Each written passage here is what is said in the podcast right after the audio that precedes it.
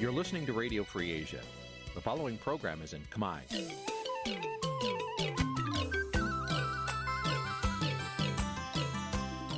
Nǐ chi càm bi tiệp xáy vệt chiu a zì sê ray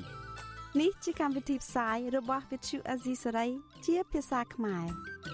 វត្តឈូអាស៊ីសេរីសូមស្វាគមន៍លោកអ្នកនាងទាំងអស់ពីរដ្ឋធានី Washington នៃសហរដ្ឋអាមេរិក បាទប្រធានាធិបតី Washington ខ្ញុំបាទទីនសាករិយាសូមជម្រាបសួរលោកអ្នកកញ្ញាទាំងអស់ជាទីមេត្រីយើងខ្ញុំសូមជូនកម្មវិធីផ្សាយសម្រាប់ព្រឹកថ្ងៃអង្គារ100ខែអាសត់ឆ្នាំខាលចត្វាស័កពុរសករាជ2566ត្រូវនៅថ្ងៃទី11ខែតុលាគ្រិស្តសករាជ2022បាទជាដំបូងនេះសូមអញ្ជើញលោកនាងកញ្ញាស្ដាប់ព័ត៌មានប្រចាំថ្ងៃដែលមានមេត្តាដូចតទៅ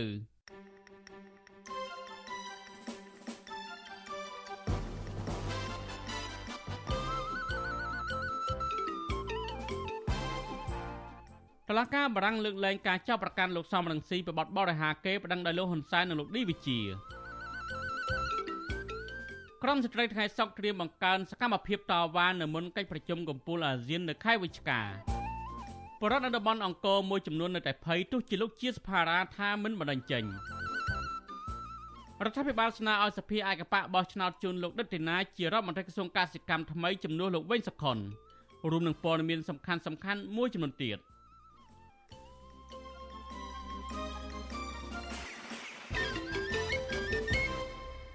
បាទលោកនាយកទីមេត្រីជាបន្តទៅនេះខ្ញុំបាទទីនសាករិយាសូមជូនព័ត៌មានពុស្ដាតឡាកាបារាំងសម្រេចលើកលែងការចាប់ប្រកាន់លោកសំរងស៊ីក្នុងសំណុំរឿងបរិហាកេដោយលោកហ៊ុនសែននិងកូនប្រសាគឺលោកឌីវិជាសេចក្តីថ្លែងការណ៍របស់ក្រុមមេធាវីលោកសំរងស៊ីចេញនៅក្រៅតឡាកាបារាំងប្រកាសសារក្រមកាលពីថ្ងៃទី10ដុល្លារឲ្យដឹងថាកូនក្តីគឺលោកសំរងស៊ីពេញដោយក្តីរំភើបក្រៃលែងដែលទទួលបានសេចក្តីសម្រេចលើកលែងការចាប់ប្រកាន់ពីតុលាការទីក្រុងប៉ារីស សេចក្តីថ្លែងការណ៍ដដាលបន្តថាតុលាការប្រកាសថាលោកសំរងស៊ីគ្មានទោសកំហុសអ្វីទេគឺតុលាការប្រទេសបារាំងទទួលស្គាល់ជាអឡារឹកថាការតស៊ូរបស់លោកសំរងស៊ីជាការតស៊ូត្រឹមត្រូវហើយតុលាការក៏បានការពារសិទ្ធិសម្ដែងមតិរបស់លោកសំរងស៊ីដែរមេធាវីបារាំងទាំងពីររូបរបស់លោកសំរងស៊ីបន្តទៀតថាសេចក្តីសម្រេចរបស់តុលាការមិនមែនគ្រាន់តែជាជ័យជំនះផ្ទាល់ខ្លួនរបស់កូនក្តីតែមួយនោះទេ តែជាការនាំមកនូវសេចក្តីសង្ឃឹមដល់អ្នកការពារសេរីភាព និងយុត្តិធម៌នៅប្រទេសកម្ពុជានិងប្រទេសដទៃទៀតចំណែកខាងភៀកគីលហ៊ុនសែននិងលោកឌីវិជាវិញ សារព័ត៌មានក្នុងស្រុកស្និទ្ធនឹងលោកហ៊ុនសែនបានស្រង់សម្ដីលោកមេធាវីគីតិចមកចោះផ្សាយដោយលោកបកស្រាយថាតឡាការប្រទេសបារាំងបានសម្រេចថាលោកហ៊ុនសែនមិនស្ថិតនៅពីក្រោយការស្លាប់របស់លោកហុលឡុងឌីដោយការចាប់ប្រកាន់របស់លោកសំរងស៊ីនោះទេ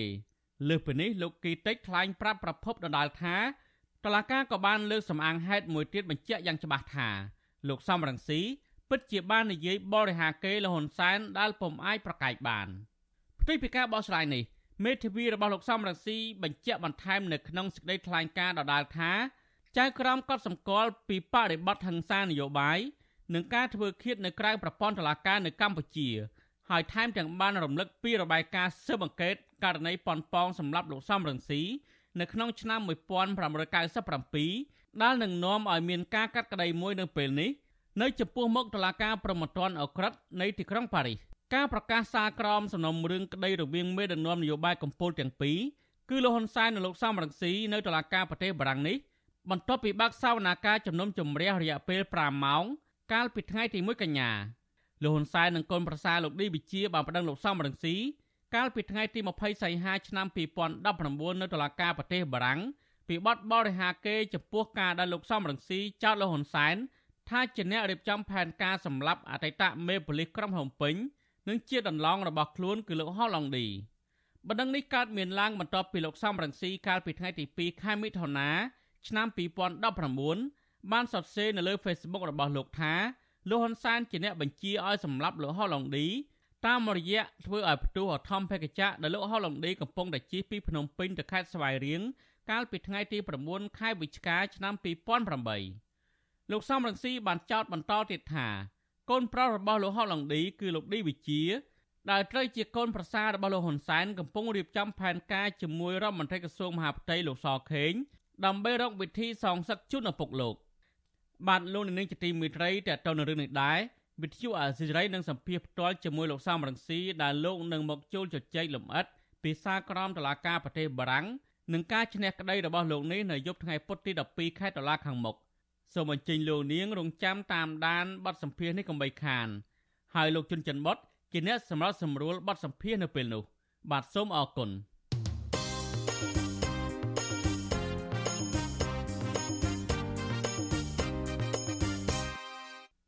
បាទលោកនាយកទីមេត្រីតតងនឹងរដ្ឋាភិបាលដករដ្ឋមន្ត្រីក្រសួងកសិកម្មកាលពីពេលថ្មីថ្មីនេះវិញនឹងជារដ្ឋមន្ត្រីស្ដីទីក្រសួងកសិកម្មរុក្ខាប្រមាញ់និងនេសាទលោកអូនពាន់មនីរតសម្រាប់បង្កើតក្រុមការងារមួយដើម្បីដោះស្រាយបញ្ហាប្រជាពលរដ្ឋដែលរងផលប៉ះពាល់ដោយសារទឹកជំនន់មន្ត្រីសង្គមស៊ីវិលជំរុញឲ្យអាជ្ញាធរពន្លឿននីតិវិធីក្នុងការផ្តល់ជំនួយនានាដល់ប្រជាពលរដ្ឋដែលកំពុងតែទុក្ខលំបាកដោយសារទឹកគ្រោះជំនន់នេះបាទលោកលេងម៉ាលីរាយការណ៍ព័ត៌មាននេះ សមាជិកក្រុមការងារត្រួតពិនិត្យតាមដាន និងវិយតម្លៃលើផលប៉ះពាល់ខូចខាតដំណាំស្រូវនិងដំណាំរួមផ្សំរបស់ពលរដ្ឋដែលរងគ្រោះដោយសារទឹកជំនន់នោះពួកគេសុទ្ធសឹងតែជាមន្ត្រីនៃគណៈបកកណ្ដាលអំណាចក្នុងនោះអ្នកដែលទទួលខុសត្រូវចំពោះការងាររួមគឺមានអនុរដ្ឋលេខាធិការក្រសួងកសិកម្មរុក្ខាប្រមាញ់និងនេសាទចំនួន3នាក់ដែលមានលោកតូចប៊ុនហួរអ្នកស្រីហៅម៉ាលីន និងសមាជិកចំនួន7រូបផ្សេងទៀត ក្រៅពីនេះក៏មានអនុរដ្ឋលេខាធិការក្រសួងកសិកម្មរុក្ខាប្រមាញ់និងនេសាទនិងសមាជិកចំនួន56រូបទៀតដើម្បីត្រួតពិនិត្យនិងជួយដោះស្រាយបញ្ហាពលរដ្ឋរងគ្រោះដោយសារទឹកជំនន់លោកអូនពាន់មនីរតបង្កើតក្រុមការងារនេះឡើងបន្ទាប់ពីលោកទទួលមុខតំណែងមួយទៀតគឺជារដ្ឋមន្ត្រីស្ដីទីក្រសួងកសិកម្មក្រោយពីលោកវែងសុខុនត្រូវបានព្រះមហាក្សត្រចេញព្រះរាជក្រឹត្យបញ្ចប់មុខតំណែងជារដ្ឋមន្ត្រីក្រសួងកសិកម្ម សេចក្តីសម្រេចក្នុងការបង្កើតក្រុមការងារនេះចុះកាលបរិច្ឆេទថ្ងៃទី9ខែតុលាលោកអូនពាន់មនីរតបញ្ជាក់ថាអនុរដ្ឋលេខាធិការនិងសមាជិកនៃក្រសួងកសិកម្មមានតួនាទីពន្លឿនការវិយតម្លៃផលប៉ះពាល់ខូចខាត និងលទ្ធផលក្នុងការស្ដារឡើងវិញនៃដំណាំស្រូវនិងដំណាំរួមផ្សំរបស់ពលរដ្ឋដែលខូចខាតដោយសារគ្រោះទឹកជំនន់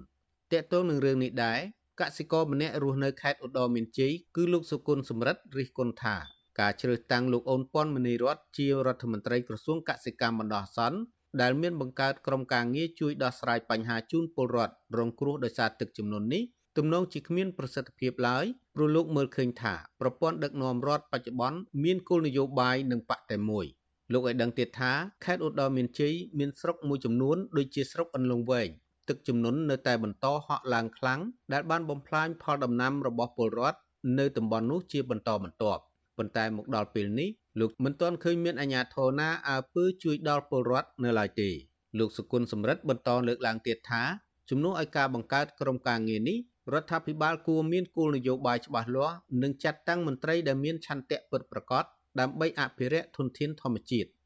លោកជឿជាក់ថាធនធានព្រៃឈើនិងបឹងបួរទន្លេឆ្នេរសមុទ្រដែលត្រូវបានបំផ្លិចបំផ្លាញកន្លងមកនេះជាដើមហេតុបណ្ដាលឲ្យកើតមានទឹកជំនន់កាន់តែខ្លាំងខ្ញុំមើលឃើញថា ក្រោយធនធានធម្មជាតិត្រូវបានបំផ្លាញហ្នឹងគឺវាមានធាតុអាកាសហ្នឹងគឺវាប្រែប្រួលបាទទី1គឺដល់ពេលខែវស្សាគឺទឹកចំនួនបាទទឹកចំនួនលិចផលដំណាំរបស់ប្រជាពលរដ្ឋហើយទី2ដល់ពេល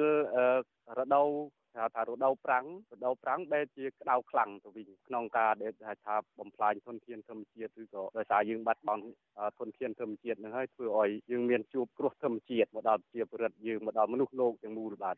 ជុំវិញរឿងនេះ ប្រធានសមាគមសម្ព័ន្ធសហគមន៍កសិករកម្ពុជា លោកថេងសាវឿនយល់ឃើញថាការបង្កើតក្រុមការងារជួយពលរដ្ឋរងគ្រោះដោយទឹកជំនន់នេះជារឿងប្រសើរទោះជាយ៉ាងនេះក្តីលោកនៅតែស្នើដល់មន្ត្រីអាជ្ញាធរពាក់ព័ន្ធឲ្យពន្លឿននីតិវិធីក្នុងការដោះស្រាយបញ្ហាជូនពលរដ្ឋនិងរៀបចំផ្ដល់ពូជស្រូវនិងជំនួយនានាដល់ពលរដ្ឋដែលកំពុងនៅតំបន់ប្រឈមរងគ្រោះដោយទឹកជំនន់ ទី2គឺការតម្រូវការទុនបច្ចេកទេសការថាវិការជាដើមថាស្មារតីវិញទៅទឹកទឹកនួនស្របទៅអញ្ចឹងពូជតាមតោនឹងបន្លែអីហ្នឹងគឺជារឿងសំខាន់មួយដើម្បីជួយដល់កសិករក្នុងការបន្ស៊ាំឬជាស្ថានភាពសេដ្ឋកិច្ចគាត់ឡើងវិញបាទរបាយការណ៍គណៈកម្មាធិការជាតិគ្រប់គ្រងគ្រោះមហន្តរាយកាលពីថ្ងៃទី9តុលាបានបង្ហាញថា ខេត្តសៀមរាបមានស្រុកចំនួន9បានរងផលប៉ះពាល់ដោយទឹកជំនន់និងប៉ះពាល់ដំណាំស្រូវជាង32,000ហិកតាហើយមានប្រជាពលរដ្ឋជាង25,000គ្រួសារដោយក្នុងនោះដំណាំស្រូវរងការបំផ្លិចបំផ្លាញមានជិត3,000ហិកតាចំណែកខេត្តកំពង់ធំ មានដំណាំស្រូវសរុបជិត30,000ហិកតារងផលប៉ះពាល់គណៈផលស្រូវដែលខូចខាត មានជិត10000ហិកតា ហើយមានពលរដ្ឋជាង15000គ្រួសារ កាលពីថ្ងៃទី8តុលាលោកនាយករដ្ឋមន្ត្រីហ៊ុនសែនបង្ហាញរបាយការណ៍របស់គណៈកម្មាធិការជាតិគ្រប់គ្រងគ្រោះមហន្តរាយថាចំនួនទឹកភ្លៀងបានជន់លិចឃុំចំនួនជិត800នៃខេត្តចំនួន22ដែលមានជាអាចដូចជាខេត្តបន្ទាយមានជ័យបាត់ដំបងពោធិ៍សាត់សៀមរាបកំពង់ធំ និងខេត្តព្រះវិហារជាដើមលោកហ៊ុនសែនបញ្ជាក់ថាដំណាំស្រូវជាង150,000ហិកតា និងដំណាំរួមផ្សំផ្សេងទៀតជាង40,000ហិកតាត្រូវបានជន់លិច ហើយហេដ្ឋារចនាសម្ព័ន្ធមួយចំនួនខូចខាតនិងប៉ះពាល់ដល់ការសិក្សារបស់សិស្សានុសិស្សខ្ញុំបាទលេងម៉ាលីវិទ្យុអស៊ីសេរីរាយការណ៍ពីរដ្ឋធានី Washington បាទលោកជាទីមេត្រីរដ្ឋមន្ត្រីស្ដីទីក្រសួងកសិកម្មលោកអូនប៉ុនមនីរតបង្កើតក្រុមការងារដើម្បីដោះស្រាយផលប៉ះពាល់ដោយសារទឹកចំនួនជូនប្រជាពលរដ្ឋនេះនៅស្របពេលរដ្ឋាភិបាលបានបញ្ជូនឈ្មោះលោកដិតទីណាជារដ្ឋលេខាធិការក្រសួងរ៉ែនិងធម្មពលទៅរដ្ឋសភាដើម្បីឲ្យសភារៀបចំការបោះឆ្នោត ជូនលោកធ្វើជារដ្ឋមន្ត្រីក្រសួងកសិកម្មរុក្ខាប្រមាញ់និងនេសាទជំនួសលោកវិញសុខុនដែលត្រូវបានរដ្ឋាភិបាលបញ្ចប់មុខតំណែងកាលពីពេលថ្មីថ្មីនេះ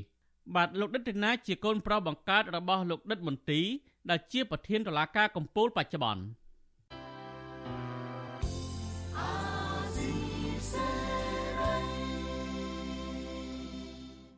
បាទលោកនាងកញ្ញាជាទីមេត្រីតកតងនឹងគណៈបកនយោបាយនៅក្រៅរដ្ឋាភិបាលវិញគណៈបកផ្នែករួមជាតិ និងគណៈបកកម្ពុជានិយមរួមគ្នាបង្កើតពលនយោបាយថ្មីមួយដើម្បីត្រៀមខ្លួនចូលរួមការបោះឆ្នោតថ្នាក់ជាតិនៅឆ្នាំ2023ខាងមុខមន្ត្រីអង្គការសង្គមស៊ីវិលយល់ឃើញថាការរួមរំគ្នារវាងគណៈបកទាំងពីរនេះនឹងមិនសូវទទួលបានការគ្រប់គ្រងពីប្រជាពលរដ្ឋឡើយគណៈបកខ្មែររួមរំជាតិរបស់លោកញឹកបញ្ឆៃនិងគណៈបកកម្ពុជានិយមរបស់លោកយ៉ែមពញរិទ្ធបានសម្រេចព្រមព្រៀងគ្នាលើ7ចំណុចក្នុងនោះគណៈបកទាំងពីរបានសម្រេចធ្វើការរួមរំគ្នាទៅជាគណៈបកតែមួយ។ នៅក្រៅការបោះឆ្នោតជាតិឆ្នាំ2023ដែលបង្កើតគោលនយោបាយថ្មីនិងយកគណៈបករួមជាតិដើម្បីចូលរួមបោះឆ្នោតឆ្នាំ2023ការសម្រេចនេះធ្វើឡើងនៅក្នុងកិច្ចពិភាក្សាមួយរវាងថ្នាក់ដឹកនាំគណៈបកទាំងពីរនៅក្រុងភ្នំពេញនៅថ្ងៃទី10ដុល្លារដោយមានអ្នកចូលរួមជាង50នាក់ប្រធានគណៈបកកម្ពុជានិយមលោកយ៉ែមពេញរិទ្ធបានថ្លែងនៅក្នុងសិនសិទ្ធសារព័ត៌មានថាមូលហេតុដែលគណៈបករបស់លោកបានរួបរวมជាមួយគណៈបកខ្មែររួមជាតិ និងមិនចូលរួមជាមួយគណៈបកភ្លឹងទៀនព្រោះលោកចង់បង្កើតពលនយោបាយប្រជាធិបតេយ្យសេរីថ្មីមួយដែលខុសពីពលនយោបាយគណៈបកកណ្ដាលអំណាចនិងពលនយោបាយគណៈបកភ្លឹងទៀនជាមួយគ្នានេះលោកយ៉ែមពេញរិទ្ធបដិសេធចំពោះការលើកឡើងថាគណៈបកកម្ពុជានិយមរបស់លោកចោះចូលជាមួយគណៈបកខ្មែររួមជាតិហើយលោកថាគណៈបកទាំងពីរនឹងធ្វើការផ្លាស់ប្ដូរឈ្មោះនិងបដូររូបសញ្ញានៅក្រៅការបោះឆ្នោតឆ្នាំ2023 ការបដូរឈ្មោះបដូររូបសញ្ញាវាពាក់ព័ន្ធជាមួយនឹងសមាជពាក់ព័ន្ធជាមួយនឹងជុំហាប់ទីគឺពាក់ព័ន្ធច្រើនមែនទេហើយទាំងអស់នេះយើងជឿជាក់ថាយើងនឹងរៀបចំធ្វើនៅក្រោយការបោះឆ្នោតក៏ប៉ុន្តែរឿងដែលសំខាន់ដែលខ្ញុំចង់ជម្រាបជូនគោលដៅរបស់គណៈបកផ្នែករួមរួមជាតិនៅកម្ពុជានិយមដែលរួមរួមគ្នាថ្ងៃនេះបង្កើតគោលនយោបាយប្រជាធិបតេយ្យសេរីថ្មីមួយនេះគឺក្នុងរយៈពេលខ្លីដែលយើងប្រើពាក្យថា2023ក៏ប៉ុន្តែជាគោលដៅមិនឈប់ត្រឹមប៉ុណ្្នឹងទេ យើងត្រូវការរៀបចំគណៈបកប្រជាធិបតេយ្យសេរីមួយនៅកម្ពុជា មាននិរន្តរភាពឈានទៅដល់ការបោះឆ្នោត2027 2028វិញឆ្ងាយទៅមុខទៀតរីឯប្រធានគណៈបករួមរំជាតិលោកញឹកបញ្ឆៃបានថ្លែងថាមូលហេតុដែលគណៈបកទាំងពីរអាចរួបរวมគ្នាបានគឺដោយសារតែគណៈបកទាំងពីរមានគោលនយោបាយប្រហាក់ប្រហែលគ្នាលោកញឹកបញ្ឆៃបន្ថែមថាមូលហេតុដែលគណៈបករបស់លោកមិនចូលរួមជាមួយគណៈបកភ្លើងទៀន ព្រោះលោកយល់ថាគណៈបកភ្លើងទៀនមាននិន្នាការទៅប្រទេសមហាអំណាចណាមួយផ្ដាច់មុខនឹងធ្វើនយោបាយនាំឲ្យសមាជិករបស់ខ្លួនជាប់គុករត់ចោលស្រុកជាដើមចំណែកសម្ព័ន្ធភាពរបស់លោកនៅពេលនេះគឺមានគោលនយោបាយបរទេសបើកចំហដោយមិនរើសអើងប្រទេសមហាអំណាចណាមួយឡើយជាមួយគ្នានេះលោកញឹកមិនឆៃក៏រំពឹងថានឹងទទួលបានអាសនៈនៅក្នុងការបោះឆ្នោតនាពេលខាងមុខដែរដោយឡែកតើតើនឹងការដកពីមុខតំណែងឧត្តមក្រុមប្រឹក្សាពិគ្រោះនឹងផ្ដាល់យោបល់ លោកញឹកមិនឆៃបានលើកឡើងថាលោកមិនព្រួយបារម្ភនឹងការដកមុខតំណែងរបស់លោកឡើយព្រោះលោកមិនបានចូលរួមជាមួយគណៈបកប្រឆាំងដោយគណៈបកឆន្ទៈខ្មែរនោះទេនៅពេលដែលគាត់ទៅរករងយកគណៈបកទៅរករងជាមួយនឹងគណៈបកប្រឆាំងគឺមានបញ្ហាហើយបាទព្រោះគាត់មានទួនាទីទៅបាទទួនាទីនឹងហើយគណៈបកទាំងមូលយកទៅចូលរួមជាមួយគណៈបកប្រឆាំងនោះរីឯខ្ញុំទៅខកពីនោះខ កពីនោះខ្ញុំមានទួនាទីដូចគ្នាចឹងដែរគាត់ខ្ញុំមករករងជាមួយនឹងគណៈបកកម្ពុជានិយមនេះវាយើងមករួបរวมគ្នាដើម្បីបង្កើតពលនយោបាយថ្មីមួយមិនមែនជាបកប្រឆាំងទេបាទមិនបកប្រឆាំងទេហ្នឹងយ៉ាងហើយវាខុសគ្នាទៅនឹងទេតែខ្ញុំអត់ព្រួយបារម្ភជុំវិញនឹងរឿងនេះអ្នកនាំពាក្យគណៈបកប្រជាជនកម្ពុជាលោកសុកអេសាន មានប្រសាសន៍ថាការដកតំណែងពីឧត្តមក្រុមប្រឹក្សាពិគ្រោះនឹងផ្ដាល់យោបល់គឺជាសិទ្ធិសម្រេចរបស់ថ្នាក់ដឹកនាំរដ្ឋាភិបាល ទោះជាយ៉ាងណាលោកថាករណីរបស់លោកញឹកបញ្ឆៃខុសគ្នាពីករណីរបស់លោកកុងមុនីកាដែលបានទៅរួបរวมជាមួយគណៈបកប្រឆាំងដោយឡែកលោកសុងអេសានមិនចាប់អារម្មណ៍ជំវិញនឹងការរួបរวมគ្នារវាងគណៈបកខ្មែររួមជាតិនិងគណៈបកកម្ពុជានិយមនេះទេពីព្រោះគណៈបកទាំងពីរនេះមិនបានអាសនៈជាមេឃុំណាមួយឡើយកាលពីបោះឆ្នោតឃុំសង្កាត់កន្លងទៅ ហើយជាក់ស្ដែងក្នុងចំនួនគណៈបកដែលចូលរួមបោះឆ្នោតជ្រើសរើសក្រុមប្រឹក្សាឃុំសង្កាត់កន្លងទៅគណៈបកទាំងអស់នោះសិតគណៈបកដែលអត់បានកម្លេងឆ្នោតដោយឡែកនាយកប្រតិបត្តិអង្គការឃ្លាំមើលការបោះឆ្នោតនៅកម្ពុជាហៅកាត់ថា Netflix លោកសំគុណធីមីយល់ឃើញថាការរួបរวมគ្នាក្នុងគោលបំណងបង្កើតពលនយោបាយប្រជាធិបតេយ្យថ្មីនេះនឹងមិនអាចទទួលបានការគ្រប់គ្រងពីប្រជាពលរដ្ឋដើម្បីទទួលបានអាសនៈនៅពេលបោះឆ្នោតខាងមុខឡើយ លោកសំគុណធីមីបន្ថែមថាដើម្បីទទួលបានការគ្រប់គ្រងពីពលរដ្ឋគណៈបកទាំងពីរគួររួបរวมជាមួយគណៈបកភ្លឹងទៀនដែលជាគណៈបកទទួលបានការគ្រប់គ្រងសម្លេងទី2បន្ទាប់ពីគណៈបកកាន់អំណាចទើបជាការប្រសើរលទ្ធផលនៃការបោះឆ្នោតឃុំសង្កាត់កាលពីឆ្នាំ2022កន្លងទៅគណៈបកខ្មែររួមជាតិដែលមានប្រភពពីគណៈបកហ្វុនពេជ្រទទួលបានតំណែងជំទប់ទី1ចំនួន1នាក់និងជំទប់ទី2ចំនួន10នាក់ ចំណែកឯគណៈបកកម្ពុជានិយមដែលមានប្រភពចេញពីគណៈបកសង្គ្រោះជាតិទទួលបានតំណែងជំទប់ទី2ត្រឹមតែ1នាក់ប៉ុណ្ណោះនិវិភាននយោបាយលើកឡើងថាវត្តមានគណៈបកនយោបាយក្រៅពីគណៈបកប្រឆាំងគ្រាន់តែជាយុទ្ធសាស្ត្ររបស់គណៈបកកណ្ដាលអំណាចដើម្បីបំបែកសម្លេងគាំទ្ររបស់គណៈបកប្រឆាំងតែប៉ុណ្ណោះ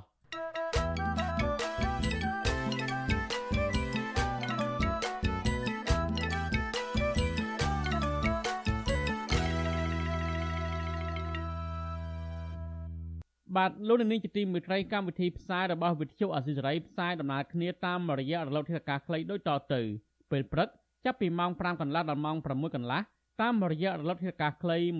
12140 kHz ស្មើនឹងកម្ពស់ 25m និង13715 kHz ស្មើនឹងកម្ពស់ 22m ពេលយប់ចាប់ពីម៉ោង7កន្លះដល់ម៉ោង8កន្លះតាមរយៈរលកធាតុអាកាសខ្លី9560 kHz ស្មើនឹងកម្ពស់ 30m 12140 kHz ស្មើនឹងកម្ពស់ 25m និង11885 kHz ស្មើនឹងកម្ពស់ 25m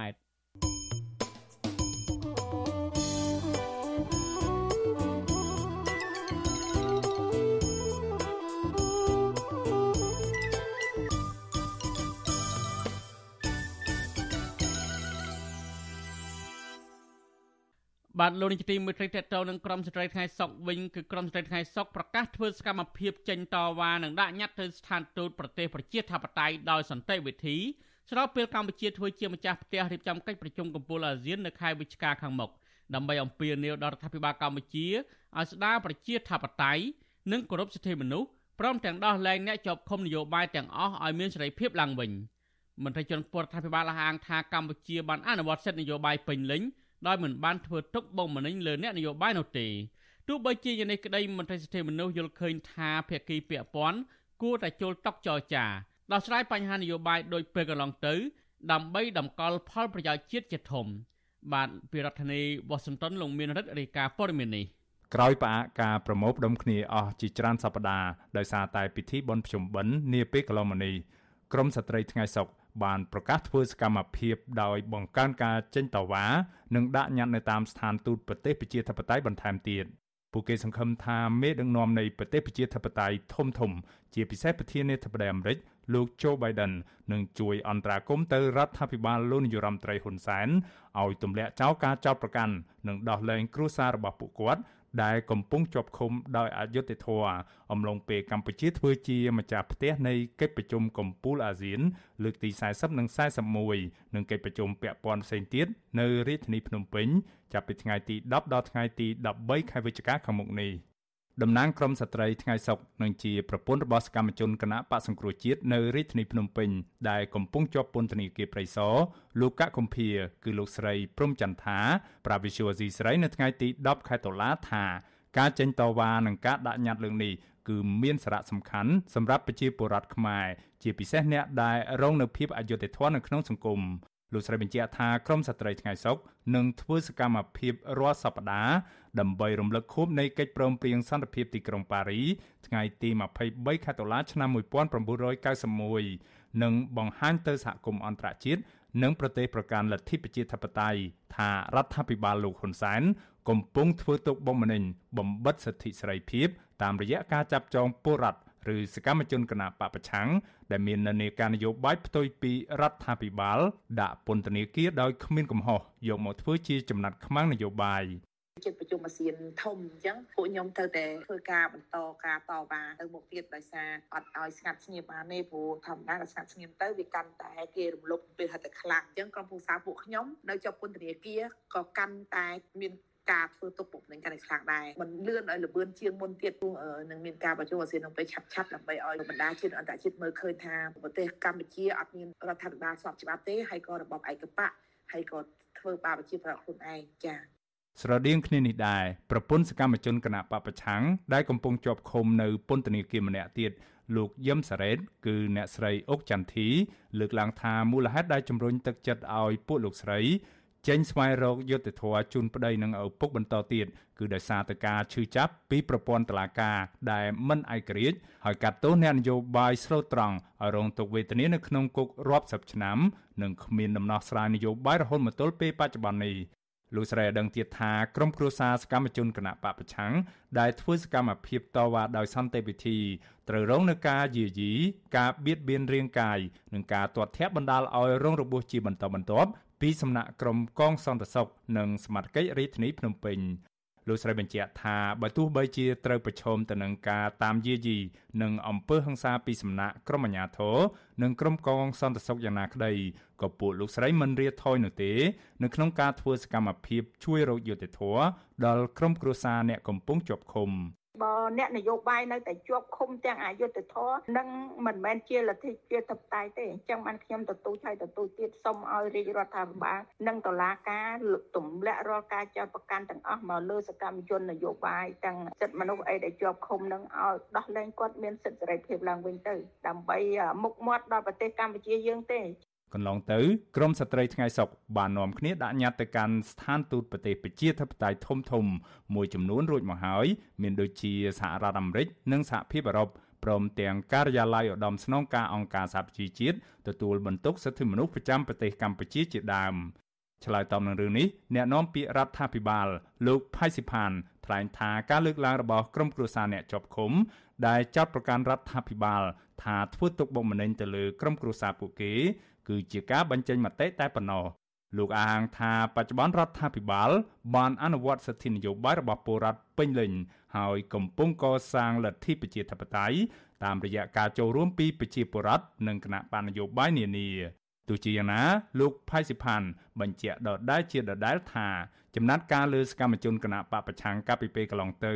គឺជាការអនុវត្តច្បាប់របស់ស្ថាប័នតុលាការ ចំណែកឯការបង្ក្រាបលើសកម្មភាពតវ៉ារបស់ក្រមស្ត្រីថ្ងៃសុកវិញលោកចោទថាពួកគេមិនបានសុំច្បាប់តវ៉ាពីអាជ្ញាធរនោះឡើយការតវ៉ាណាមួយទៅស្ថិតនៅតាមគោលការណ៍ច្បាប់និងតាមច្បាប់ដែលអនុញ្ញាតកាលណាការតវ៉ាណាមួយដែលខុសពីគោលការណ៍ច្បាប់ខុសពីការអនុញ្ញាតដោយច្បាប់អ្នកនឹងទៅទទួលការបង្ក្រាបណាក៏ដោយវាទៅសុំច្បាប់ពីទេ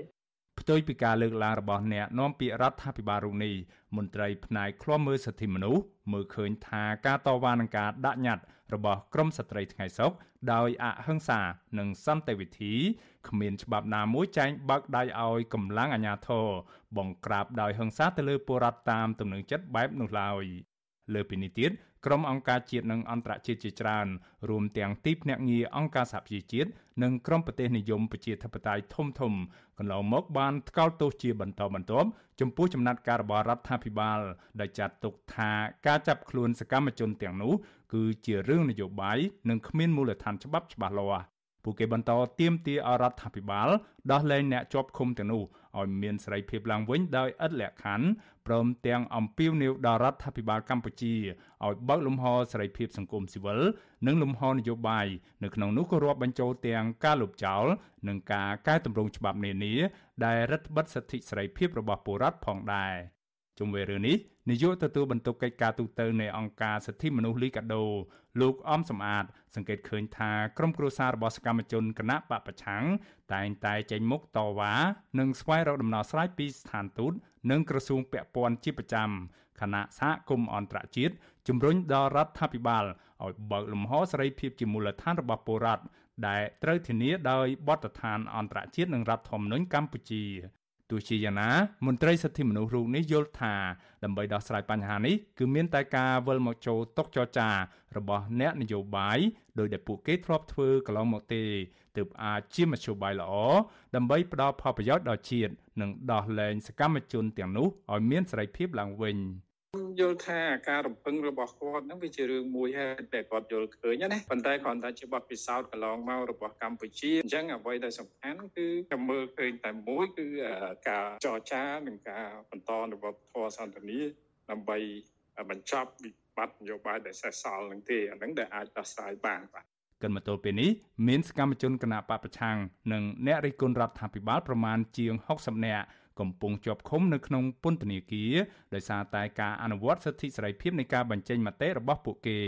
ពួកគេភ័យច្រើនត្រូវបានអាជ្ញាធរចាប់ខ្លួនជាបន្តបន្ទាប់កាលពីដើមឆ្នាំ2020តឡាការបានចោទប្រកាន់ពួកគេដោយដូចគ្នា ពីបទរួមគំនិតក្បត់ញុះញង់ឲ្យយោធិនមិនស្ដាប់បង្គាប់ញុះញង់ឲ្យប្រព្រឹត្តបទអក្រិតជាអាតនិងញុះញង់ឲ្យមានភាពវឹកវរធ្ងន់ធ្ងរដល់សន្តិសុខសង្គមជាដើមក្រមស្ត្រីថ្ងៃសុខ នៅតែទទូចដល់រដ្ឋាភិបាលលោកហ៊ុនសែននិងតុលាការឲ្យទម្លាក់ចោលបទចោទប្រកាន់ហើយដោះលែងសាច់ញាតិរបស់ពួកគេឲ្យមានសេរីភាពឡើងវិញខ្ញុំបាទមេរិត Visual C ស្រីរាយការណ៍ពីរដ្ឋធានី Washington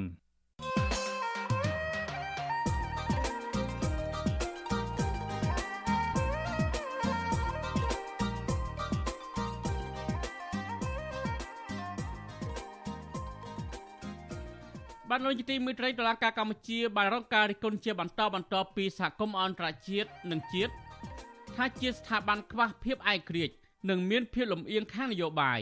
សំណុំរឿងជាច្រើនត្រូវបានដំណើរការនិងសម្រេចសេចក្តីដោយមិនបានឈលលើអង្គហេតុនិងអង្គច្បាប់ត្រឹមត្រូវឡើយជាពិសេសចំពោះសំណុំរឿងដែលមានចរិតនយោបាយដូចជាការរំលាយគណៈបកសង្គ្រោះជាតិព្រមទាំងការដាក់ទោសអ្នកនយោបាយសមាជិកអង្គការសង្គមស៊ីវិលនិងក្រុមគ្រួសារសកម្មជនជាដើម។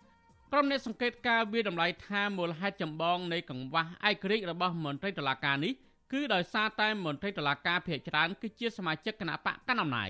ក៏ប៉ុន្តែតំណាងក្រសួងយុទ្ធភ័ពបោះស្រាយផ្ទុយពីនេះ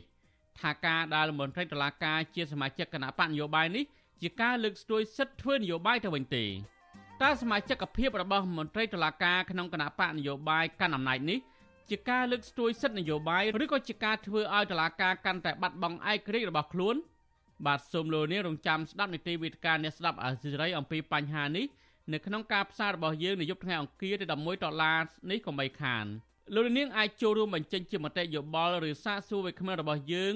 ដោយដាក់លេខទូរស័ព្ទនៅក្នុងខ្ទង់ comment Facebook និង YouTube របស់ Vithu Azisari ក្រុមការងាររបស់យើងនឹងហៅទៅលោកនាងវិញបាទសូមអរគុណ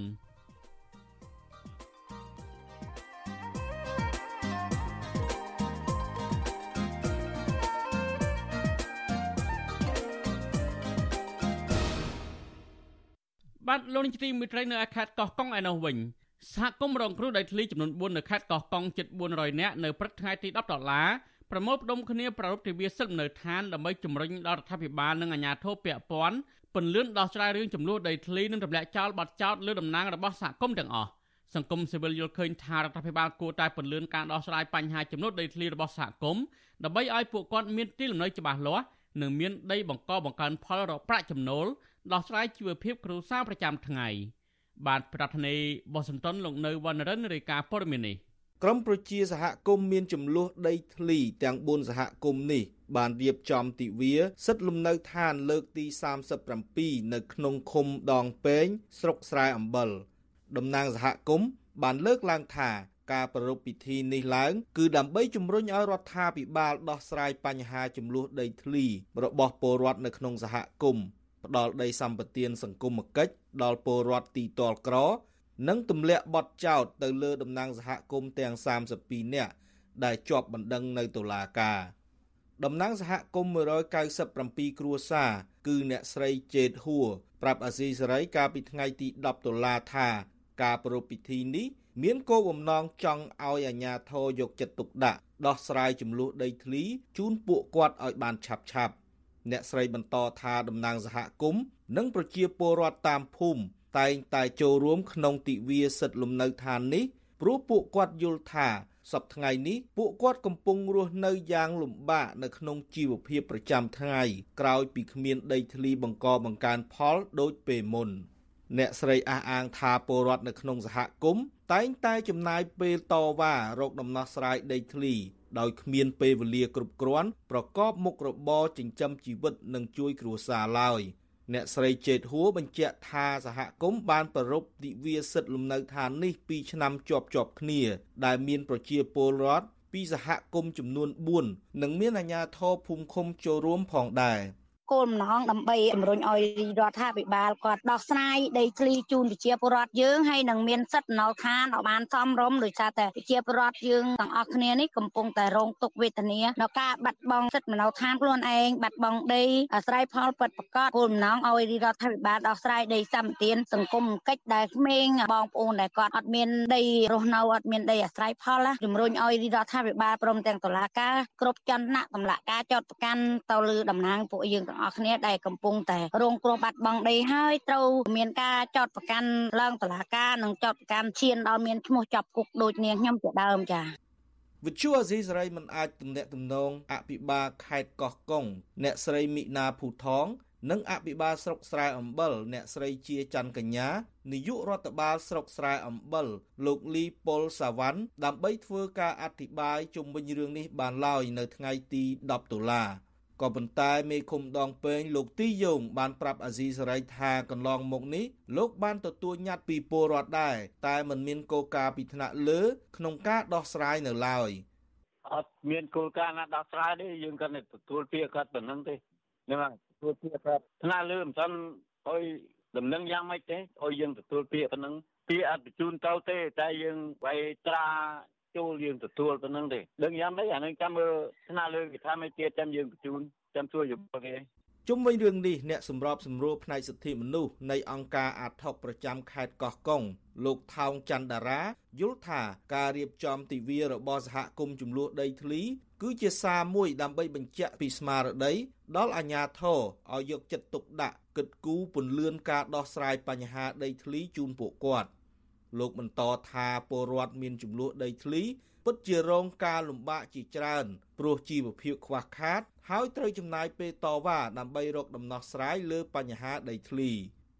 លោកថោងច័ន្ទតារា បន្ថែមថារដ្ឋាភិបាលគួរបង្កើនគណៈកម្មការស្រាវជ្រាវមួយឲ្យជាក់លាក់ដោយមិនគួរជឿលើរបាយការណ៍របស់អាជ្ញាធរភូមិឃុំមួយចំនួនឡើយព្រោះអាជ្ញាធរខ្លះមានការរើសអើងពលរដ្ឋខ្លួនឯងនៅក្នុងសហគមន៍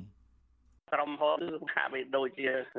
ដាក់សម្ពាធជាបពាន់ទៅលើជាពលរដ្ឋដូចថាកំណៀងកំហែងអន្តភ័យកុំឲ្យពួកគាត់ទៀមទាតវ៉ាអីចឹងបាទមិនគួរទៅចាប់ប្រកាន់មិនគួរអីទៅគាត់ទេបាទរឿងនេះយើងអាចដោះស្រាយដោយរិញថាអាញាធរគ្រប់គ្រងដីធ្លីហ្នឹងដោះស្រាយជូនប្រជាពលរដ្ឋទៅបញ្ហាអស់ហ្នឹងវាបានចប់ហើយបើសិនជាអាញាធរគាត់យកចិត្តទុកដាក់មានឆន្ទៈដោះស្រាយជូនប្រជាពលរដ្ឋពិតប្រាកដហ្នឹងបាទ កន្លងមកសហគមន៍តែងតែប្ររពទិវាសិទ្ធិលំនៅឋានព្រោះពួកគាត់យល់ឃើញថាត្រូវទទួលបានសិទ្ធិរស់រានប្រកបដោយសេចក្តីថ្លៃថ្នូរក្នុងនាមជាពលរដ្ឋខ្មែរដែលស្របទៅតាមរដ្ឋធម្មនុញ្ញកម្ពុជាចំណែកតំណាងសហគមន៍រងគ្រោះដីធ្លីភាគច្រើនតែងត្រូវបានបុគ្គលមានលុយនិងអំណាចរំលោភយកដី ហើយប្រើប្រាស់ប្រព័ន្ធតុលាការដើម្បីគៀបសង្កត់លើពួកគាត់ដោយមានការខົບខិតពីមន្ត្រីពុករលួយមួយចំនួន ដែលធ្វើឲ្យពលរដ្ឋមានចំនួនដីធ្លីកាន់តែកើនឡើងជាបន្តបន្ទាប់សង្គមស៊ីវិលយល់ថាពលរដ្ឋត្រូវតែទទួលបាននូវសិទ្ធិរស់រានរបស់ពួកគាត់ស្របទៅតាមច្បាប់ហើយរដ្ឋាភិបាលគួរតែពន្លឿនការដោះស្រាយបញ្ចប់បញ្ហាដីធ្លីជូនពួកគាត់ខ្ញុំបាទនៅវណ្ណរិន With Chu Azizi Saray រាយការណ៍ពីរដ្ឋធានី Washington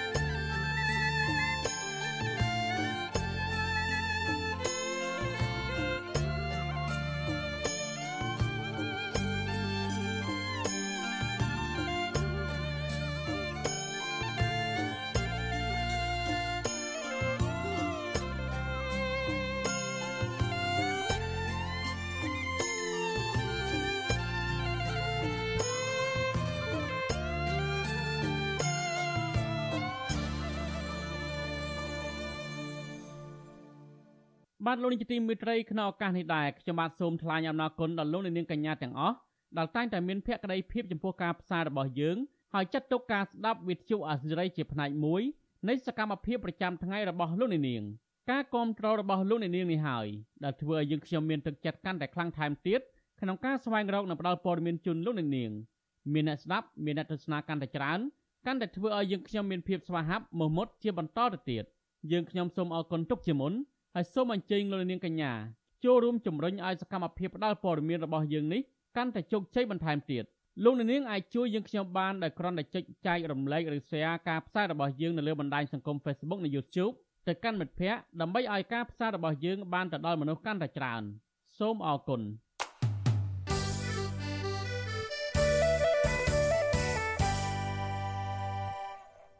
បាទលោកនាយកជាទីមេត្រីតទៅនឹងការបណ្ដឹងចេញនៅតំបន់អង្គរនៃខេត្តសៀមរាបឯណោះវិញប្រដ្ឋមានលំនៅឋាននៅតំបន់អូសៀនអង្គរឬហៅថាតំបន់អប្សរាមួយចំនួននៅស្ទាក់ស្ទើរទទួលយកដំណោះស្រាយពីអាជ្ញាធរអប្សរាក្នុងការរុះរើលំនៅឋានទៅតាំងទីនៅថ្មីដែលនៅឆ្ងាយពីក្រុងសៀមរាបប្រមាណជា30គីឡូម៉ែត្រប្រដ្ឋខ្លះមិនទុកចិត្តអាជ្ញាធរក្នុងការផ្ដល់ដំណោះស្រាយលើបញ្ហានេះនិងស្នើឲ្យផ្ដល់ព័ត៌មានឲ្យបានទូលំទូលាយ អំពីការចម្លៀសពួកគាត់ទៅតាំងលំនៅថ្មីនោះ បាទប្រធានាធិបតីវ៉ាស៊ីនតោនលោកសនច័ន្ទរដ្ឋារាយការណ៍ព័ត៌មាននេះពលរដ្ឋរាប់ពាន់គ្រួសារដែលរស់នៅក្នុងតំបន់អប្សរាសង្កាត់គោកចកសង្កាត់អង្គរធំក្រុងសៀមរាបនិងពលរដ្ឋមួយចំនួនទៀតដែលរស់នៅស្រុកបន្ទាយស្រីនៅតែភ័យព្រួយខ្លាចក្រែអាញាធមបណ្ដេញពួកគាត់ចេញពីលំនៅឋានដែលបង្ខំដែលប៉ះពាល់ដល់ជីវភាពរស់នៅពលរដ្ឋមួយចំនួននៅមានមន្ទិលចំពោះគម្រោងចម្លៀសពួកគាត់ចេញពីលំនៅឋានស្របពេលដែលពលរដ្ឋរាប់ពាន់គ្រួសារ បានចំណាយលុយសាងសង់ផ្ទះសម្បែងជាបន្តបន្ទាប់អស់រាប់ម៉ឺនដុល្លារ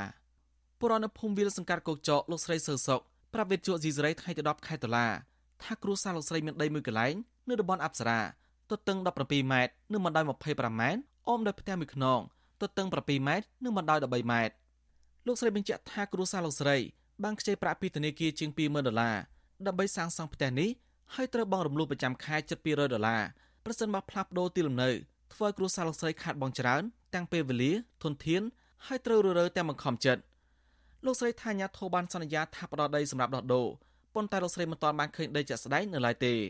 ខ្ញុំទៅពាក្យធនាគារហើយកូនក៏នៅក្នុងការរៀនសូត្រទៀតដល់តែខ្ញុំផ្លាស់ទីលំនៅបានន័យថាកូនខ្ញុំនឹងត្រូវគេថាចោលការសិក្សាទាំងអស់ហើយខ្ញុំនឹងក៏ពិបាកក្នុងការមកធ្វើការពីព្រោះថ្ងៃថារស់នៅរស់នៅទាំងមានការភ័យខ្លាចខ្ញុំអត់ចង់ផ្លាស់ទីលំនៅទេបងខ្ញុំចង់រស់នៅកន្លែងខ្ញុំដដែលដើម្បីងាយស្រួលក្នុងការកូនខ្ញុំរៀនខ្ញុំធ្វើការស្ត្រីដដែលបន្ថែមថាគ្រូសាឡូសេរីមិនចំតន់នៅគម្រោងរបស់អាញាធននោះទេតែស្នើរដ្ឋាភិបាលផ្ដល់សំណងបានសមរម្យនៅទីតាំងថ្មី មានផ្ទះផ្លូវថ្នល់អគ្គិសនីដីកសិកម្មនិងសាលារៀនជាដើមបន្ថែមពីនេះទីតាំងថ្មីដែលអាញាធរដោះដូរឆ្ងាយពីទីរួមខេត្តជាង30គីឡូម៉ែត្រដែលបង្កការលំបាកដល់ការប្រកបរបរចិញ្ចឹមជីវិតហើយត្រូវប្រើពេលវេលាយូរសម្រាប់សម្របខ្លួននៅទីនោះកាលពីថ្ងៃទី7តុលាពលរដ្ឋនៅសង្កាត់កោកចកប្រមាណ2000នាក់បានលើកគ្នាតវ៉ានៅសាលាសង្កាត់នេះដោយបង្ហាញគោលជំហរមិនពេញចិត្តចំពោះការបដិញប្រកាសចេញឲ្យទ្រួននៅតំបន់ផ្សេងក្រុមអ្នកតវ៉ាបានលើកបដា បង្ហាញពីទុកកង្វល់ខ្លាចក្រែងមានការបដិញចេញដល់បង្ខំនិងរុះរើផ្ទះសម្បែងពលរដ្ឋខេត្តសំរៀបឆ្ងល់ថាញាធរអប្សរាបានបណ្ដោយពលរដ្ឋរាប់ពាន់គ្រួសារសាងសង់មនៅឋាននៅជុំវិញប្រាសាទឬតំបន់អង្គរក្នុងក្រុងសៀមរាបស្រុកប្រាសាទបាគងស្រុកបន្ទាយស្រីនិងស្រុកអង្គរធំដោយត្រូវខាត់បង់លុយធ្វើផ្ទះចន្លោះពី2000ដុល្លារទៅជាង100,000ដុល្លារពួកគាត់ថាញាធរគួរហាមខំឲ្យសាងសង់តាំងពីដំបូងដើម្បីទប់ស្កាត់ជាមុនមិនឲ្យបរិវត្តខាត់បងច្រើន ក្នុងការសាងសង់ផ្ទះសម្បែងនៅជុំវិញតំបន់អង្គរអ្នកភូមិបង្ហើបថាក្នុងពេលសាងសង់មិនឃើញអាញាធរអប្សរាចំហាមខុសនោះទេទំនងជាខុបខិតគ្នា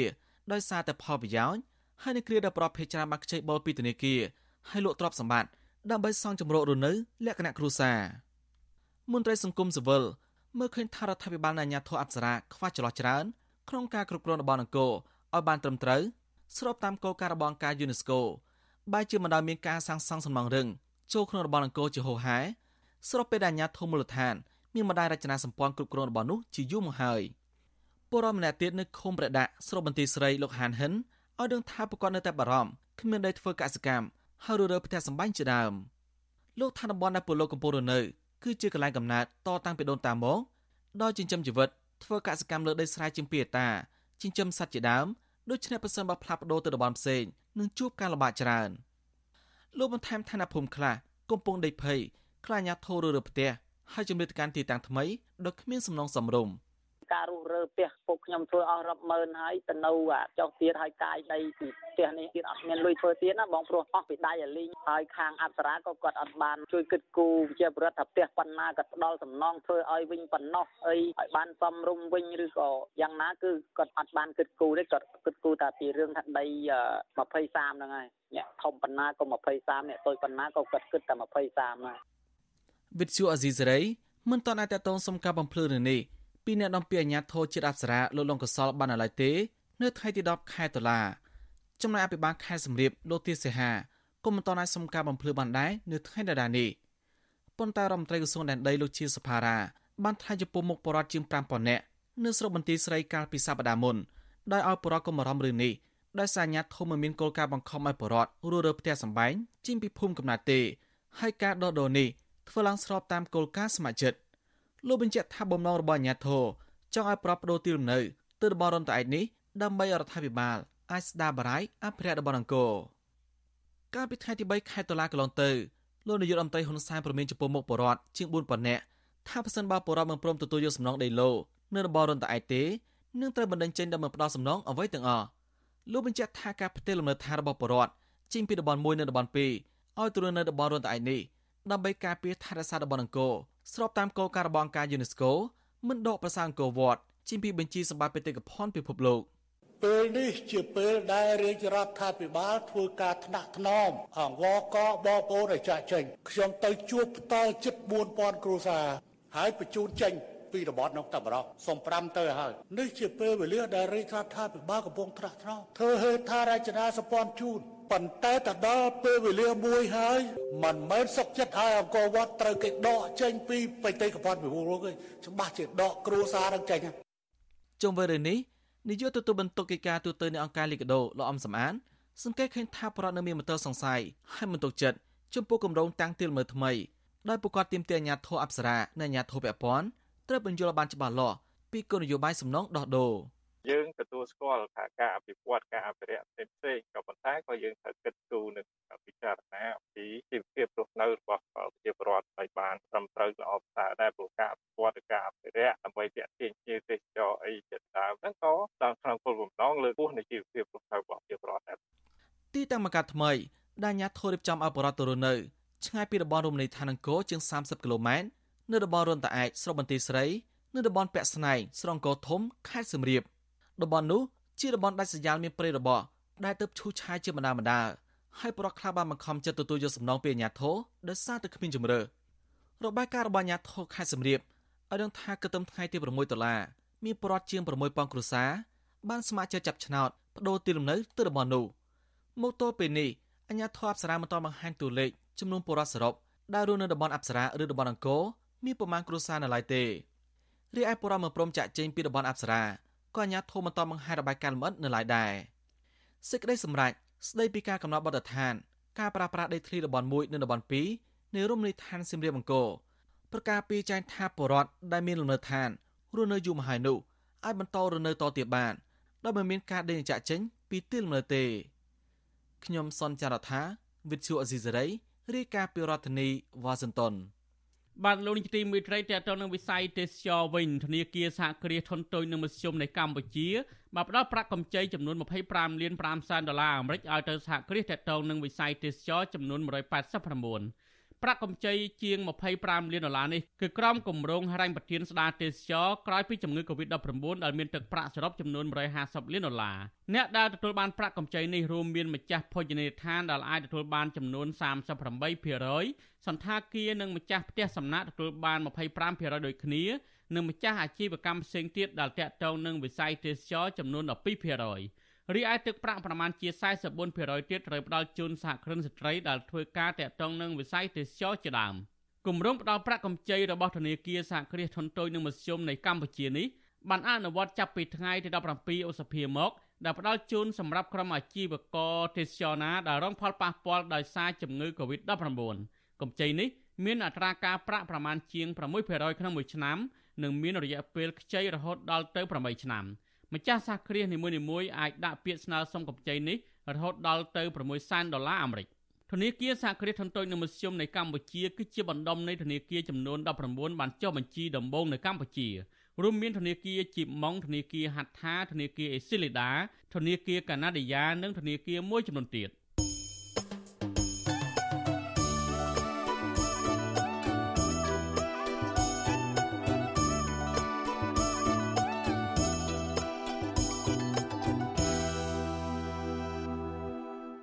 បាទលោកនាយកទីមេត្រីតុលាការបារាំងសម្រេចលើកលែងការចាប់ប្រកាន់លោកសំរងស៊ីក្នុងសំណុំរឿងបរិហាកេដោយលោកហ៊ុនសែននិងកូនប្រសាគឺលោកឌីវិជាសេចក្តីថ្លែងការណ៍របស់ក្រុមមេធាវីលោកសំរងស៊ីចេញនៅក្រៅតុលាការបារាំងប្រកាសសាលក្រមកាលពីថ្ងៃទី10ដុល្លារឲ្យដឹងថាកូនក្តីគឺលោកសំរងស៊ីពេញដោយក្តីរំភើបក្រៃលែងដែលទទួលបានសេចក្តីសម្រេចលើកលែងការចាប់ប្រកាន់ពីតុលាការទីក្រុងប៉ារីសសេចក្តីថ្លែងការណ៍ដដាលបន្តថា តុលាការប្រកាសថាលោកសំរងស៊ីគ្មានទោសកំហុសអ្វីទេគឺតុលាការប្រទេសបារាំងទទួលស្គាល់ជាអឡារឹកថាការតស៊ូរបស់លោកសំរងស៊ីជាការតស៊ូត្រឹមត្រូវហើយតុលាការក៏បានការពារសិទ្ធិសម្ដែងមតិរបស់លោកសំរងស៊ីដែរមេធាវីបារាំងទាំងពីររូបរបស់លោកសំរងស៊ីបន្តទៀតថាសេចក្តីសម្រេចរបស់តុលាការមិនមែនគ្រាន់តែជាជ័យជំនះផ្ទាល់ខ្លួនរបស់កូនក្តីតែមួយនោះទេ តែជាការនាំមកនូវសេចក្តីសង្ឃឹមដល់អ្នកការពារសេរីភាព និងយុត្តិធម៌នៅប្រទេសកម្ពុជានិងប្រទេសដទៃទៀតចំណែកខាងភៀកគីលហ៊ុនសែននិងលោកឌីវិជាវិញ សារព័ត៌មានក្នុងស្រុកស្និទ្ធនឹងលោកហ៊ុនសែនបានស្រង់សម្ដីលោកមេធាវីគីតិចមកចោះផ្សាយដោយលោកបកស្រាយថាតឡាការប្រទេសបារាំងបានសម្រេចថាលោកហ៊ុនសែនមិនស្ថិតនៅពីក្រោយការស្លាប់របស់លោកហុលឡុងឌីដោយការចាប់ប្រកាន់របស់លោកសំរងស៊ីនោះទេលើសពីនេះលោកគីតិចថ្លែងប្រាប់ប្រភពដដាលថា តឡាកាក៏បានលើកសំអាងហេតុមួយទៀតបញ្ជាក់យ៉ាងច្បាស់ថាលោកសំរងស៊ីពិតជាបាននិយាយបរិហាកេលហ៊ុនសែនដែលពុំអាចប្រកែកបានផ្ទុយពីការបោះឆ្នោតនេះមេធាវីរបស់លោកសំរងស៊ីបញ្ជាក់បន្ថែមនៅក្នុងសេចក្តីថ្លែងការណ៍ដដាលថាចៅក្រមកត់សម្គាល់ពីបរិបត្តិហិង្សានយោបាយនិងការធ្វើឃាតនៅក្រៅប្រព័ន្ធតុលាការនៅកម្ពុជាហើយថែមទាំងបានរំលឹកពីរបាយការណ៍ស៊ើបអង្កេតករណីប៉ុនប៉ងសម្រាប់លោកសំរងស៊ី នៅក្នុងឆ្នាំ1597ដែលនឹងនាំឲ្យមានការកាត់ក្តីមួយនៅពេលនេះនៅចំពោះមុខតុលាការប្រំពន្ធអក្រិតនៃទីក្រុងប៉ារីសការប្រកាសសារក្រមសំណុំរឿងក្តីរវាងមេដឹកនាំនយោបាយកម្ពុជាទាំងពីរគឺលោកហ៊ុនសែននិងលោកសំរងស៊ីនៅតុលាការប្រទេសបារាំងនេះបន្ទាប់ពីបើកសវនាការជំនុំជម្រះរយៈពេល5ម៉ោងកាលពីថ្ងៃទី1កញ្ញាលោកហ៊ុនសែននិងកូនប្រសារលោកឌីវិជាបានប្តឹងលោកសំរងស៊ី កាលពីថ្ងៃទី20សីហាឆ្នាំ2019នៅតុលាការប្រទេសបារាំងពីបទបរិហាកេរចំពោះការដែលលោកសំរងស៊ីចោទលោកហ៊ុនសែនថាជាអ្នករៀបចំផែនការសម្លាប់អតីតមេប៉ូលីសក្រុងភ្នំពេញនិងជាដន្លងរបស់ខ្លួនគឺលោកហុលឡុងឌីបណ្ដឹងនេះកើតមានឡើងបន្ទាប់ពីលោកសំរងស៊ីកាលពីថ្ងៃទី2ខែមិថុនាឆ្នាំ2019បានសរសេរនៅលើ Facebook របស់លោកថាលោកហ៊ុនសែនជាអ្នកបញ្ជាឲ្យសម្លាប់លោកហុលឡុងឌី តាមរយៈធ្វើឲ្យផ្ទុះអធំភេកចៈដែលលោកហុលឡុងឌីកំពុងតែជិះពីភ្នំពេញទៅខេត្តស្វាយរៀងកាលពីថ្ងៃទី9ខែវិច្ឆិកាឆ្នាំ2008លោកសំរងស៊ីបានចោទបន្តទៀតថាកូនប្រុសរបស់លោកហុលឡុងឌីគឺលោកឌីវិជាដែលត្រូវជាកូនប្រសាររបស់លោកហ៊ុនសែនកំពុងរៀបចំផែនការជាមួយរដ្ឋមន្ត្រីក្រសួងមហាផ្ទៃលោកសខេងដើម្បីរកវិធីសងសឹកជូនឪពុកលោក បាទលោកនាងជាទីមេត្រីតើតើនៅរឿងនេះដែរ វិទ្យុអាស៊ីសេរីនឹងសម្ភាសផ្ទាល់ជាមួយលោកសំរងស៊ីដែលលោកនឹងមកចូលជជែកលម្អិតពីសារក្រមតុលាការប្រទេសបារាំងនិងការឈ្នះក្តីរបស់លោកនេះនៅយប់ថ្ងៃពុធទី12ខែតុលាខាងមុខសូមអញ្ជើញលោកនាងរងចាំតាមដានបទសម្ភាសនេះកុំបីខាន ហើយលោកជុនច័ន្ទបុតជាអ្នកសម្រាប់សម្រួលបទសម្ភាសនៅពេលនោះ បាទសូមអរគុណ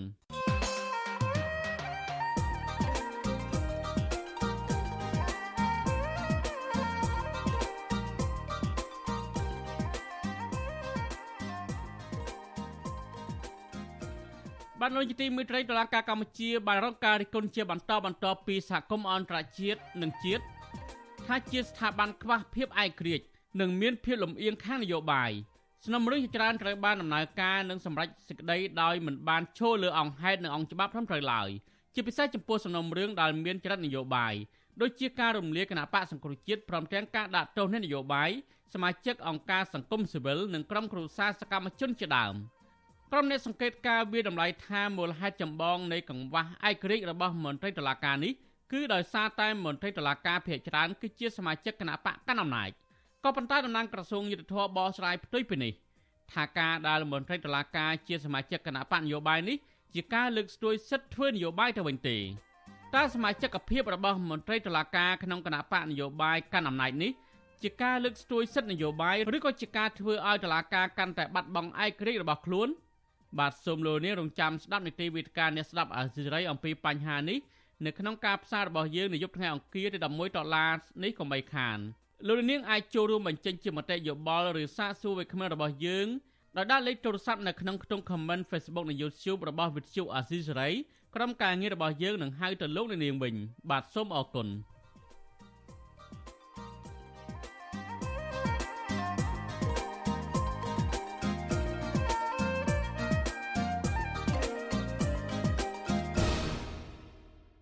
បាទលោកនាយកទីមេត្រីតេតងនឹងបរដ្ឋខ្មែរកម្ពុជាក្រោមវិញសហព័ន្ធខ្មែរកម្ពុជាក្រោមនិងអង្គការសិទ្ធិមនុស្សអន្តរជាតិមួយចំនួនបានអំពាវនាវឲ្យអាយអគ្គរដ្ឋទូតនិងតំណាងប្រទេសជាសមាជិកអង្គការសហប្រជាជាតិកំបោះឆ្នោតគាំទ្របេក្ខភាពប្រទេសវៀតណាមឲ្យធ្វើជាសមាជិកក្រុមប្រឹក្សាសិទ្ធិមនុស្សអង្គការសហប្រជាជាតិអង្គការសិទ្ធិមនុស្សទាំងនោះលើកឡើងថាប្រទេសវៀតណាមបន្តរំលោភសិទ្ធិមនុស្សធ្ងន់ធ្ងរលើប្រជារដ្ឋខ្លួនឯងនិងជនជាតិដើម ដែលជាម្ចាស់ស្រុករួមមានបរដ្ឋខ្មែរកម្ពុជាក្រមជាដើម បាទប្រធានាធិបតីវ៉ាស៊ីនតោនលោកយុនសាមៀនរាយការណ៍ព័ត៌មាននេះអង្គការអន្តរជាតិចំនួន7បានចុះហត្ថលេខាលើសេចក្តីថ្លែងការណ៍រួមមួយ បង្ហាញក្តីកង្វល់ដល់ឯកអគ្គរដ្ឋទូត និងតំណាងប្រទេសជាសមាជិកអង្គការសហប្រជាជាតិជុំវិញប្រទេសវៀតណាមដែលចង់ក្លាយជាសមាជិកក្រុមប្រឹក្សាសិទ្ធិមនុស្សរបស់អង្គការសហប្រជាជាតិសម្រាប់អាណត្តិថ្មីពីឆ្នាំ2023 ដល់ឆ្នាំ2025អង្គការទាំងនោះលើកឡើងថាវៀតណាមមានកំណត់ត្រារំលោភសិទ្ធិមនុស្សយ៉ាងធ្ងន់ធ្ងរដូច្នេះប្រសិនបើប្រទេសនេះជាប់ជាសមាជិកក្រុមប្រឹក្សាសិទ្ធិមនុស្សអង្គការសហប្រជាជាតិមែននោះកិត្តិយសរបស់ក្រុមប្រឹក្សាសិទ្ធិមនុស្សកម្ពុជាពិភពលោកមួយនេះនឹងត្រូវប៉ះពាល់យ៉ាងធ្ងន់ធ្ងរញត្តិរបស់អង្គការអន្តរជាតិនេះធ្វើឡើងស្របពេលដែលក្រសួងការបរទេសវៀតណាមប្រកាសថា វៀតណាមចង់ក្លាយជាសមាជិកក្រុមប្រឹក្សាសិទ្ធិមនុស្សរបស់អង្គការសហប្រជាជាតិវៀតណាមអះអាងថារដ្ឋាភិបាលកុម្មុយនីសមួយនេះនឹងបដិញ្ញាការពារជនងាយរងគ្រោះបំបត្តិអំពើហិង្សា លើកដំកើងសមភាព gender និងដោះស្រាយបញ្ហាប្រឈមរបស់ពិភពលោកវៀតណាមធ្លាប់ក្លាយជាសមាជិកក្រុមប្រឹក្សានេះម្ដងរួចហើយ កាលពីចន្លោះឆ្នាំ2014និង2016ទោះបីជាយ៉ាងណា កាលពីពេលថ្មីៗនេះ អ្នករាយការណ៍ពិសេសផ្នែកសិទ្ធិមនុស្សអង្គការសហប្រជាជាតិសម្រាប់ប្រទេសវៀតណាមសម្ដែងក្តីបារម្ភជុំវិញការឃាត់ខ្លួនយុវជនខ្មែរក្រោមលោកដួងខាយដោយចោទប្រកាន់លោករឿងចែកចាយឯកសារសេចក្តីប្រកាសអង្គការសហប្រជាជាតិស្តីពីសិទ្ធិជនជាតិដើមវៀតណាមបានសារភាពថាអាញាធរវៀតណាមពិតជាបានចាប់ខ្លួនលោកដួងខាយដោយសារតែការចែកចាយឯកសារស្តីពីសិទ្ធិជនជាតិដើមមែន។ វៀតណាមក៏បានចាប់ផ្ដើមកាត់ទោសកម្រិតធ្ងន់ប្រឆាំងនឹងសកម្មជនសិទ្ធិមនុស្សនិងដីធ្លីពីបទប្រឆាំងនឹងរដ្ឋវៀតណាមដែលអង្គការសហប្រជាជាតិចាត់ទុកទង្វើនេះថាជាការរំលោភសិទ្ធិមនុស្សធ្ងន់ធ្ងរវៀតណាមបានប្រើប្រាស់មធ្យោបាយធ្វើទរណកម្មដើម្បីបង្ខំឲ្យសកម្មជនសិទ្ធិមនុស្សសារភាពទទួលយកកំហុសដែលពួកគេមិនបានប្រព្រឹត្តសហព័ន្ធខ្មែរកម្ពុជាក្រោមដែលបានចុះហត្ថលេខាលើញត្តិស្នើឲ្យប្រទេសជាសមាជិកអង្គការសហប្រជាជាតិ កុំបោះឆ្នោតគាំទ្របេក្ខភាពវៀតណាមកាលពីសប្តាហ៍មុនបានដឹកនាំប្រតិភូមួយក្រុមទៅអង្គការសហប្រជាជាតិនៅបរិយាយ៉កដើម្បីធ្វើការតស៊ូមតិប្រឆាំងនឹងសមាជិកភាពរបស់វៀតណាមសហព័ន្ធបានដាក់ញត្តិឲ្យតំណាងប្រទេសលោកសេរីនៅអង្គការសហប្រជាជាតិដើម្បីឲ្យស្វែងយល់ពីស្ថានភាពសិទ្ធិមនុស្សនៅប្រទេសវៀតណាមនិងបើកកិច្ចប្រជុំដើម្បីផ្សព្វផ្សាយព័ត៌មានជុំវិញការរំលោភបំពានសិទ្ធិជនជាតិដើមខ្មែរកម្ពុជាក្រោម ប្រធានសហព័ន្ធខ្មែរកម្ពុជាក្រោមលោកប្រាក់សេរីវុឌ្ឍមានប្រសាសន៍ប្រាប់វិទ្យុអាស៊ីសេរីថាប្រទេសលោកសេរីជាច្រើនប្រទេសបានស្វែងយល់ពីការរំលោភសិទ្ធិមនុស្សនៅវៀតណាមហើយលោកសង្ឃឹមថាប្រទេសប្រកាន់លទ្ធិប្រជាធិបតេយ្យនឹងមិនបោះឆ្នោតគ្រប់គ្រងវៀតណាមនោះទេបាទខ្ញុំសង្ឃឹមថាគេនឹងបោះឆ្នោតប្រឆាំងកុំឲ្យវៀតណាមចូលជាសមាជិកអង្គការសិទ្ធិមនុស្សនោះក្នុងអាទិត្យក្រោយនេះប៉ុន្តែប្រសិនបើវៀតណាមនៅតែបានជាប់ដដែល તો សហព័ន្ធខ្មែរកម្ពុជាក្រោមគ្មានអីខាតទេដោយសារយើងគ្មានប្រទេសយើងមានតែជាអង្គការក្រៅរដ្ឋាភិបាលមិនយកកម្រៃយើងជាអង្គការតូចមួយប៉ុន្តែយើងមានលទ្ធភាពបានតាក់ទងនឹងមជ្ឈដ្ឋានសង្គមអន្តរជាតិអូខេទាំងដូចជាថ្មយើងថាយើងកំយកពាក្យចាស់ថាកំយកប្រព័ន្ធទៅជុលនឹងថ្មវាមិនឈ្នះទេ ប៉ុន្តែទោះបីមិនឈ្នះក៏ដោយបើវៀតណាមជាប់អាពងមន់វាគប់ច្រើនទៅអាពងមន់ស្អុយផងវាធ្វើឲ្យប្រឡាក់អាថ្មហ្នឹងវាធ្វើអាថ្មហ្នឹងលេងកន្លែងគេធ្លាប់ទៅអង្គុយលេងវាទៅជាកន្លែងគេថាខ្ពើមល្អើមបើថាវៀតណាមបើជាប់ជាប់ដោយមិនសមរម្យទេក្រមប្រឹក្សាសិទ្ធិមនុស្សអង្គការសហប្រជាជាតិជាស្ថាប័នអន្តររដ្ឋាភិបាល ក្នុងប្រព័ន្ធអង្គការសហប្រជាជាតិដែលមានទួនាទីដើម្បីពង្រឹង លើកដំកើងនិងការពារសិទ្ធិមនុស្សជុំវិញពិភពលោកដោះស្រាយ ការរំលោភសិទ្ធិមនុស្សនិងផ្ដល់អនុសាសន៍ស្ដីពីបញ្ហាសិទ្ធិមនុស្សក្រុមប្រឹក្សានេះមានសមាជិក47មកពីប្រទេសជាសមាជិកអង្គការសហប្រជាជាតិហើយតែងជួបប្រជុំគ្នាមួយឆ្នាំម្ដង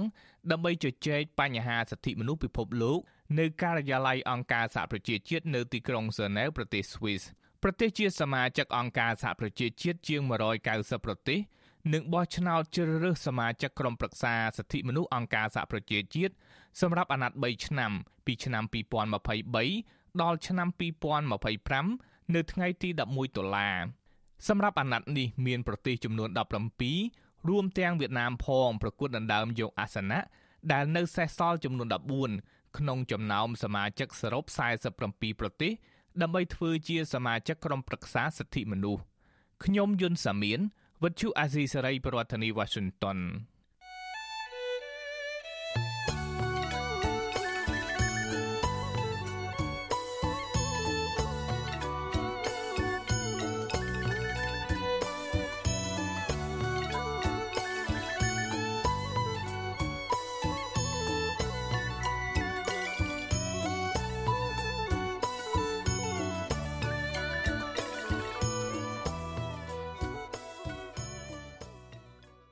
បាទលោកនាងជាទីមេត្រីការផ្សាយរយៈពេល1ម៉ោងនៃវិទ្យុអាស៊ីសេរីជាភាសាខ្មែរនៅពេលនេះចប់តែប៉ុណ្ណេះយើងខ្ញុំសូមជូនពរដល់លោកនាងព្រមទាំងក្រុមគ្រួសារទាំងអស់ឲ្យជួបប្រកបតែនឹងសេចក្តីសុខចម្រើនរុងរឿងកុំបីឃ្លៀងឃ្លាតឡើយខ្ញុំបាទទីនសាករិយាព្រមទាំងក្រុមការងារទាំងអស់នៃវិទ្យុអាស៊ីសេរីសូមអរគុណនិងសូមជម្រាបលា